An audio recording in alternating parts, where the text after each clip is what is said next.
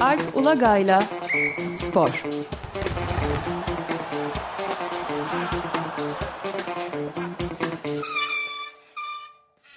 Günaydın Alp, merhabalar. Günaydın Ömer Bey. Günaydın. Günaydın Özdeş. Evet, bulunduğun yerden biraz özel muhabirlik yapmanı rica etsek senden. Londra'da nasıl yaşandı bu e, olağanüstü sıcaklık dalgası, sıcak dalgası bilgi verir misin biraz? E, spordan önce öyle yapalım. Doğru çünkü bu haftanın olayıydı. Bu hafta başında pazar salı günleri İngiltere'de özellikle Londra'nın bulunduğu Güneydoğu İngiltere'de sıcaklıklar işte 38-39,4'e kadar çıktı. Yani hiç burası için alışılmadık rekor sıcaklıklar. Yani Türkiye'nin güneyinde, güneydoğusunda yaşayanlar, orada tatile gidenler sıklıkla yani her sene daha doğrusu 40'ları çok rahat görmüşlerdir. Hatta çok daha yüksek dereceler var ama dediğim gibi e, Britanya adası için pek normal değil. Kırk, e, kırkı da aş, aştı bir yerde ve galiba Surrey'de yani ki Londra'nın hemen güneyindeki e, il, vilayet diyebiliriz yani çok dibi işte Londra'nın. İşte bir 39-40 galiba işte öyle bir şey ölçüldü yani. E, Britanya tarihinde, ölçülen tarihinde rastlandık e, şeyler değil. E, ya buradaki sorun şu, bu böyle dereceler hiç olmadığı için yani 32-33 bile çok yüksek burası için. İşte herkes deniz kenarlarındaki yerlere hücum eder falan hafta sonuna geldiğinde. E, 38-39 olduğunda çok olağanüstü bir durum. Mesela birçok ilkokul zaten okulların son haftasıydı. Devlet okullarının birçok ilkokul tatil edildi. Ortaokullar devam etti ama ilkokullarda ders yapılmadı o son iki gün bildiğim kadarıyla. E, belki çarşamba bir güne gitmişlerdir onun ardından. E, sokağa çıkmak bile gerçekten güçlü. Böyle bir fırın etkisi olduğunu anlatmak lazım. Yani burada çünkü yaşayınca şeye biraz alışıyorsunuz yani o 20-22 dereceler benim de sevdiğim dereceler. Bir 38'de gerçekten bir fırın etkisi var. Yani hem tepede güneş ve havanın o durgunluğu ağır. Evet, evet sıcaklığı. Kuşun gibi yani, ağır. Sokakta bir şey yapmanızı engelliyor öyle. Ben işte bir, çok yakındaki yani bir bakayım markete gideyim dedim. Yani pek sokakta kimsenin olmadığını, otomobil bile, araç bile olmadığını fark ettim o an. Ee, zaten e, dediğim gibi bu derecelere alışık olmadığı için e, Londra ve Britanyalılar e, böyle bir donanım da yok. Mesela daha önceki yıllarda da hatırlıyorduk. Böyle bir 28-30 oldu ama e, bize yakın küçük bir market var. Orada bazı vitrinleri kapatıyorlar. Çünkü dolaplar ona göre şeyli değil, ayarlanmış değil. Ürünleri muhafaza edemiyor mesela ve o ürünleri sat, sat, satmıyorlar. Belli sıcaklıklarda. Altyapı sisteminin de buna hazırlıklı olmadığı bariz bir şekilde ortada. Yani dünyada çünkü 40 dereceyle yaşayan birçok ülke var ama e, Londra'da pistler eriyor, işte tren e, rayları bozuluyor vesaire. Tabii. Tabii buna göre yapılmamış çünkü. Evet. Hatta e, ya bizim bulunduğumuz bölgenin tren yani hatlarını daha doğrusu trenlerini işleten e, Southwest Railways bir e-mail attı. Pazar ya da cumartesiydi. İşte dedi seferlerimiz yavaşlayacak. Bir sürü aksama olur. Mecbur değilsiniz. Trene binmeyin. Pazartesi ve salı günleri diye. Hmm, yani daha tren geçtiğini de çok uzak değil çünkü tren yolu bizden herhalde bir 150 metre uzaklıkta. E, duyabildim açıkçası. E, onlar da aksamış. Yani dediğim gibi tüm yani şey daha uzağa gitmedim bizim mahalleden ama yani mahallede bile bunu sezmek mümkündü. Elektrikle ilgili de uyarı yapıldı. Bizde bir hani kesinti aks aksama olmadı ama işte Londra'daki tren garlarından King's Cross'ta yanılmıyorsam e, bir de bir gardada bu elektrik hatlarındaki erime, bozulma falan sebebiyle hiçbir sefer yapılmamış mesela.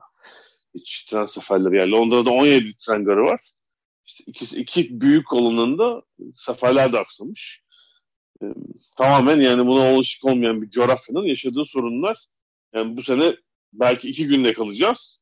Seneye bunun 3-4 gün olmayacağına dair bir herhalde garanti yok elimizde ya da sonraki senelerde daha fazla gün ol, olmayacağına dair.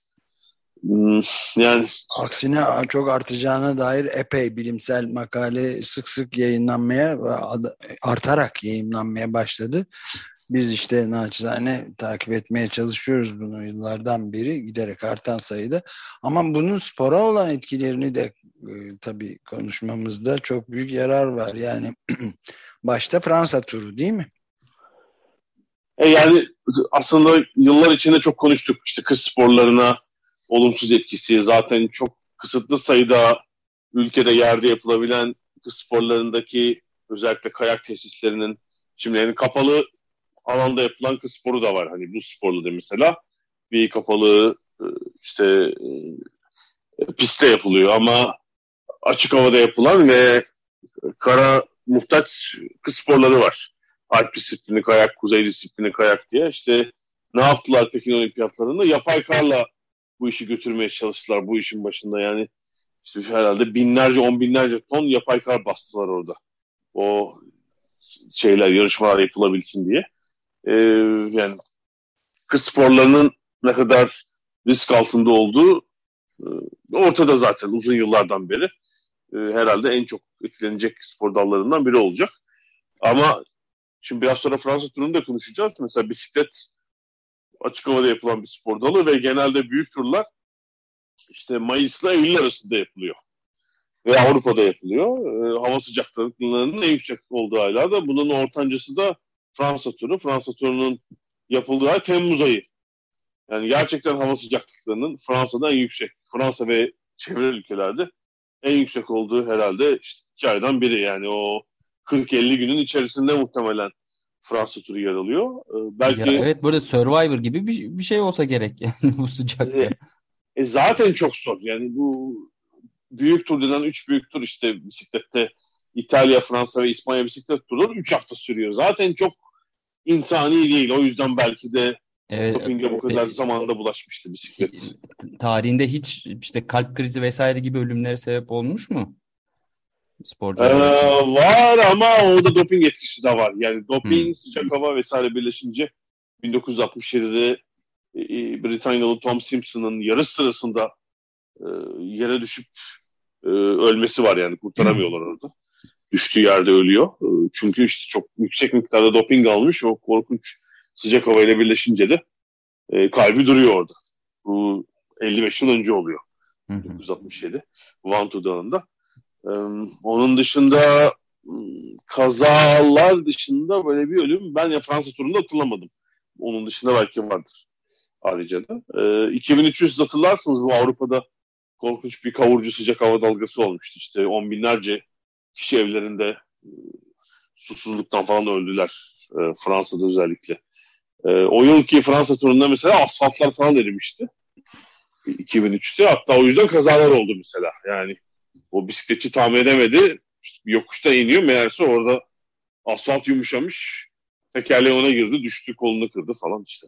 O tip olaylar olmuştu 2003'te. Ee, bu yıl yani bu hafta Fransa turunun bu son haftasında bu sebeple bir kaza oldu mu hatırlamıyorum. Yani bir iki kaza oldu ama e, hatta dün bile oldu. Birazdan bahsedeceğim. Ama sanki bu asfalt erimesi falan değil ancak çok sıcak hava sebebiyle mesela Fransa turunda şey vardır. E, elenme süresi vardır. Yani birinciden birincinin süresinden yüzde yirmi daha fazla sürede bitirirseniz elenirsiniz. Turdan. Her gün yarışamazsınız artık. O süreyi arttırdılar mesela bir iki gün. Yani çok sıcak hava sebebiyle o yüzde yüzde yirmi beş mi ne yaptılar onu? E, arttırdılar. Yani bir iki günlük öyle bir uygulama yaptılar. E, ama yani şeyi hissetmek mümkün. Bisikletçilerin meşrubat ya da işte enerji içeceği falan tüketiminden. Onu hissetmek müm- mümkündü yani şey yaparken, e, turu takip ederken. Evet, e, ben adını hatırlamıyorum ama hatırlayamadım şimdi. E, Fransa'da e, tura katılan bisikletçilerden birine biri açıkça söylemiş. Yani piknik falan değildi. Dünyanın hiç böyle şeyle karşılaşmadım. Eziyetti demiş. Yani çok büyük bir işkenceydi falan demiş. Yarışmacılardan birisi. Yani belki işte kademe kademe gidiyoruz tabii. e, 10 yıl 20 yıl sonra belki büyük turları mesela kısaltmak gerekecek. Değil mi? Yani klasik 3 hafta yapılıyor. Denecek ki işte bunu biz 2 hafta yapıyoruz ve arada aslında dinlenme günleri var yani 3 hafta dedim ben 20 mesela bu seneki Fransa turu 24 gün arada 3 gün dinlenme ya da transfer günü vardı. Yani 24 gün 21'inde yarıştılar. İşte belki 2040'ta göreceğiz ki yani 3 hafta olmuyor bu. Sporcu sağlığı için uygun değil. Biz bunu işte 16 güne indiriyoruz. Arada 2 gün dinleme 14 gün yarışacaklar falan. Ee, belki de böyle bir şeye dönüşecek yani. Şimdiden kestirmek zor bunu. Ee, çünkü ne kadar iyi hızlanırsanız hızlanın bu uç iklim koşullarına, uç sıcaklıklara e, uyum sağlamak yine de mümkün olmayabilir gerçekten. Evet yani e, Guardian'da çıkmıştı yanılmıyorsam yazı. Çok büyük sıkıntılar çekmişler. Ha, şimdi hatırladım. Mikael Şenel Şerel diye bir bisikletçi e, bayağı ben hiç bisiklete bindim mineli pedalı basarken böyle bir şeylere rastlamadım. Hiç piknik gibi değildi de, doğrusu demiş. Zaten hani çok zorlu her şartta. Evet, böyle evet. bir e, dediğim gibi uç sıcak olağanüstü sıcaklıklarda da tam bir de e, yani bu Avrupa'da sıcaklıkların en yükseldiği hafta onlar bir de Güney Fransa'dalar yani. Pireneler'de yarışıyorlar. Hani belki o sırada Alplerde olsalar bir parça fark eder yine sıcak ama e, belki biraz daha fark eder. Muhtemelen Fransa'nın güneyi tabii daha da herhalde güneydoğusu daha fazla etkilendi. İklim krizi bisiklet turu yapsınlar bir tane. Orman yangınlarının içerisinden işte kurumuş göllerin oradan etrafından falan böyle bir. iyice, iyice engelli hale gelsin yani. evet. Peki turun kendisine de bakalım isterseniz. Evet, lütfen. Artık bitirmek üzereyiz yani 3 haftanın sonuna geldik. Yani turun genel klasman şampiyonu belli oldu gibi. Dünkü önemli dağ etabından sonra yani Sarı Mayı'yı yaklaşık 10 gündür sırtına taşıyan e, Danimarkalı 20, 25 yaşındaki Danimarkalı Jonas Vingegaard dün de belki belirleyici artık etabı kader etabını kazandı. E, Lourdes Otakam etabını. Otakam'ın zirvesine ilk ulaşan bisikletçi oldu. En yakın rakibi ve son ikisinin şampiyonu Sloven Tadej Pogacar'la farkı 1 dakika 6 saniye daha açtı ve son 3 etaba girerken artık dediğim gibi yani kaza hariç, büyük çok olağanüstü durum hariç şampiyonluğu garantilemiş gibi. Bu ikili geçen sene çekişmişlerdi aslında. Çünkü Pogacar bu bisiklet dünyasının böyle genç dehası gibi görülüyor tabii. Yani ilk iki katıldığı Fransa turunda şampiyon oldu. 2020'de ve geçen yıl.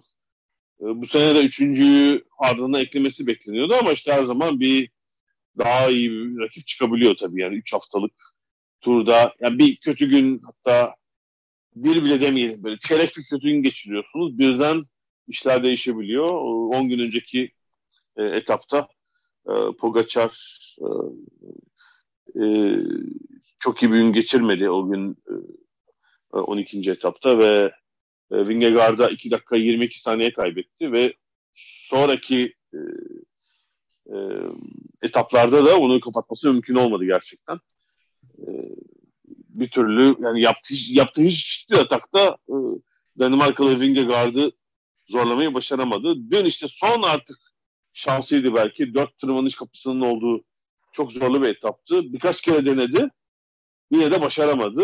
Ee, bu arada çok ilginç bir şey oldu. Üç, üçüncü tırmanış kapısı, kapısı Spandel Dağı. Tırmanlar zorlu iniş var sonra. Zaman zaman inişler tabii yolun durumuna göre bazen geniş oluyor iniş o yamaçtaki yollar. Bazen dar oluyor. Dün böyle daha dar tehlikeli bir inişin olduğu e, bir bölümü vardı yarışın. Son tırmanış kapısından önce. Ve orada önce Jonas Vingegaard böyle bir herhalde bir yanlış bir hareket yaptı ve e, bunu fırsat bilen Pogacar atak yaptı orada. Böyle bir, bir birkaç saniye fark açtı gibi sonra tabii yakaladı Vingegaard.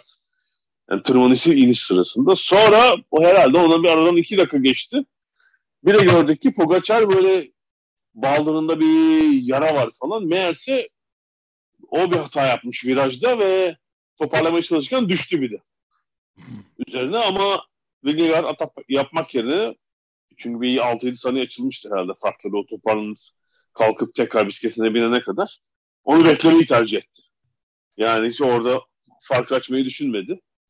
Ee, belki biraz liderliğin verdiği moralle yani genel klasman, genel tasnifte e, birinci olmanın, zaman farklı önde olmanın verdiği moral de olabilir. Bekledi. Sonra Pogacar teşekkür etti. Böyle el ele bir anları var. E, yarış sonrası zaten tüm herhalde dünyaya servis edilen bir numara fotoğraf oldu. Hani bir centilmenlik karesi olarak. Rekabetin içinde bir anda dostum. Sonra Vingegaard etabı dediğin gibi kazanıp liderliğini pekiştirdi.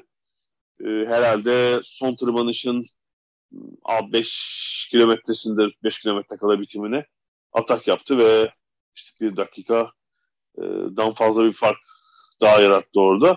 Yarış sonunda da onu ilk tebrik edenlerden biri Pogacar oldu. Gitti sarıldı ve sonra yaptığı ilk röportajda demiş ya bugün benden iyiydi. Yapacak bir şey yok.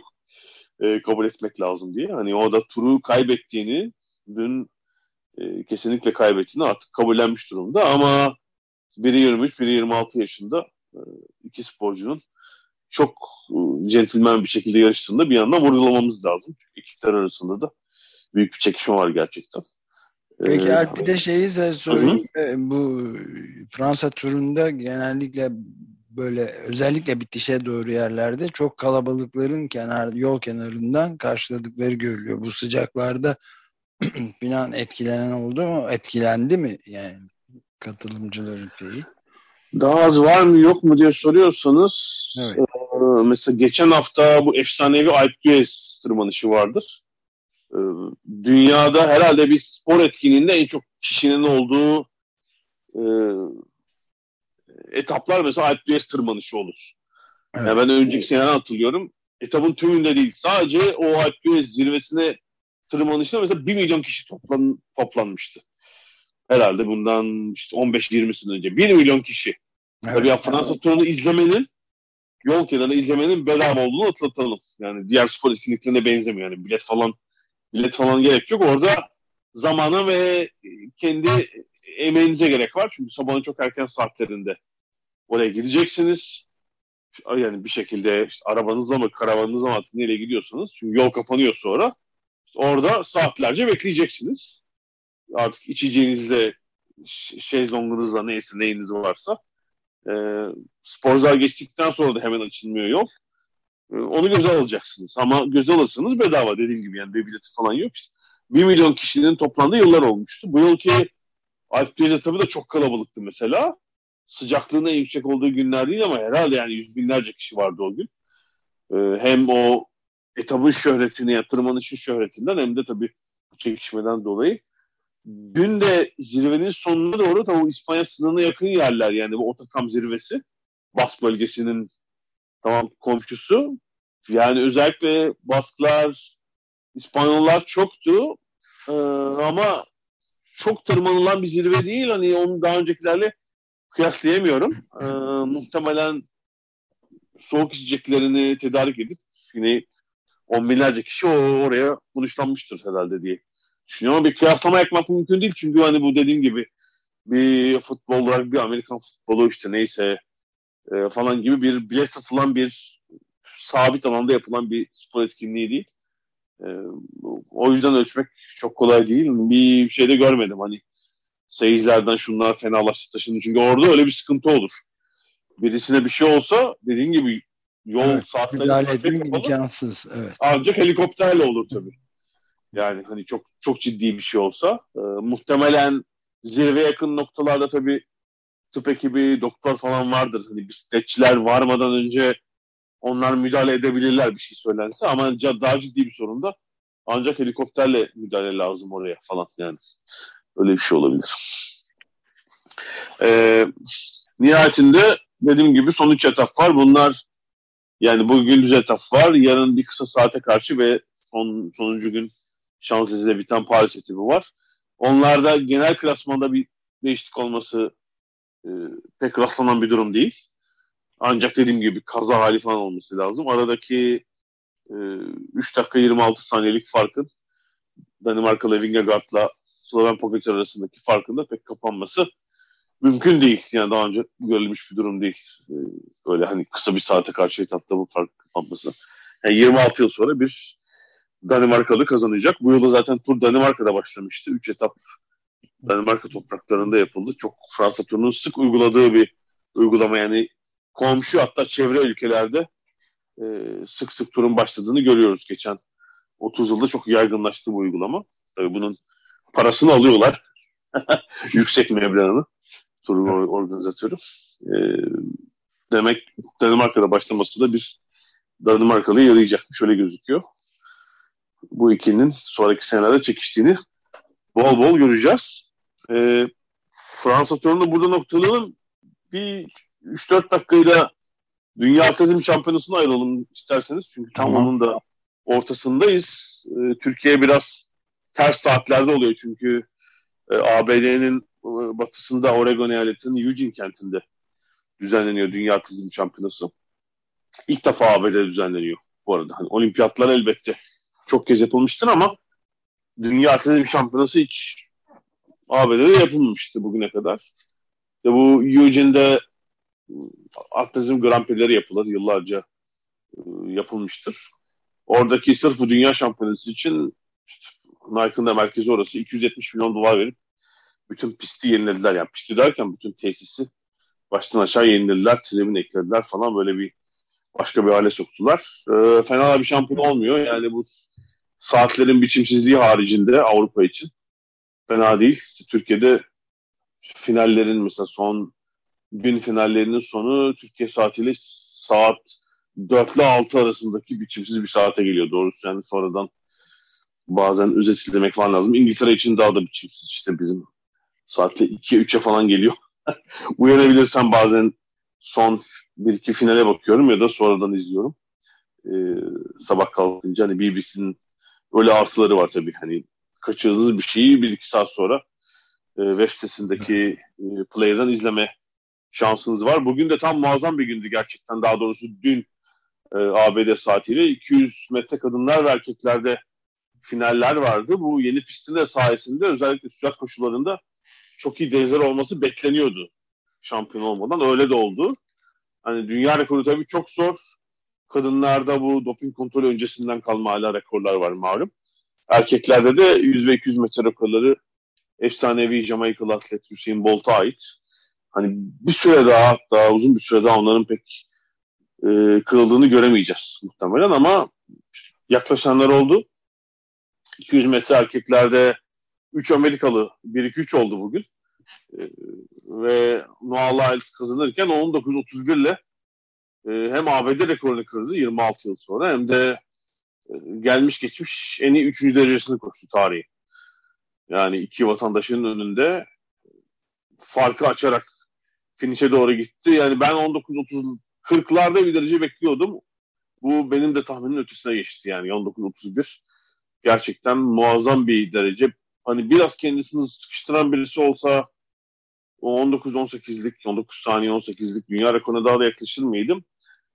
Belki biraz da ama işte o şu an insanoğlunun limiti bir gözüküyor zaten. Ee, yine de böyle bir potansiyel olduğunu gösterdi belki. Hani bu senenin sezonun devamındaki yarışta pist hava koşullarına bağlı olarak bir rekoru belki bir kez daha zorlayabilir. E, kadınlarda ise buna karşılık Şampiyonlar ne zaman sona eriyor Alp? E, pazar günü. Yani geçen cuma başladı. Evet. Pazar, pazar günü bitecek. Yani daha böyle kompakt günlük bir program var. Çok uzun değil. Hatta bu ilk günlerden sonra sabah seansı diyor. Oranın saatiyle. Akşam seansı var. Böyle iki buçuk saatte bitiriyorlar. Yani her gün daha az yarış. E, toplam gün sayısı daha fazla olmasına rağmen her gün daha az yarış. Böyle e, işte bir atma, bir atlama, üç koşu finaliyle falan tamamlanıyor gün. Kadınlar 200 metrede ise e, erkeklerin tersine Jamaika üstünlüğü devam ediyor. Yani Bolt sonrası Jamaikalı erkekler yok oldular ama Jamaikalı kadınlar üstünlüğü sürdürüyorlar. Orada da Sherika Jackson aslında 400 metreden daha 100 ve 200 metreye inen son iki yılda çok başarılı bir atlet. O da 21.45 ile tarihinin ikinci derecesini koştu. dünya rekoruna sahnenin %11'i kadar yaklaştı ve e, ilk kez dünya şampiyonu oldu. E, vatandaşı Shelley Fraser Price'ın önünde. Shelley Fraser Price'ı belki bu e, ilginç renkli perukluları görüyorsunuzdur. Her yarışı ayrı bir perukla çıkıyor yani o çantasından getirdiği farklı peruklarla yarışıyor. O 100 metreyi kazanmıştı. 200 metrede de bir e, bronz madalya ekledi, gümüş madalya ekledi yanına. E, yani erkek Jamaikalılar ortada pek yoklar ama kadınlar 100 metredeki üçlemeden sonra 200 metrede de altın gümüş çıkarmayı başardılar. Orada Amerikalıların madalyası yok. Yani erkeklerde sürat kuşları Amerikalılarda kadınlarda ise Jamaikalılarda böyle bir paylaşım oldu onların arasında. Genel madalya sıralamasında da işte ev sahibi olmanın avantajıyla ABD farklı şekilde önde yani. Sadece sürat koşularını değil işte atmalarda diğer e, yarışlarda da madalyaları toplamayı sürdürüyorlar.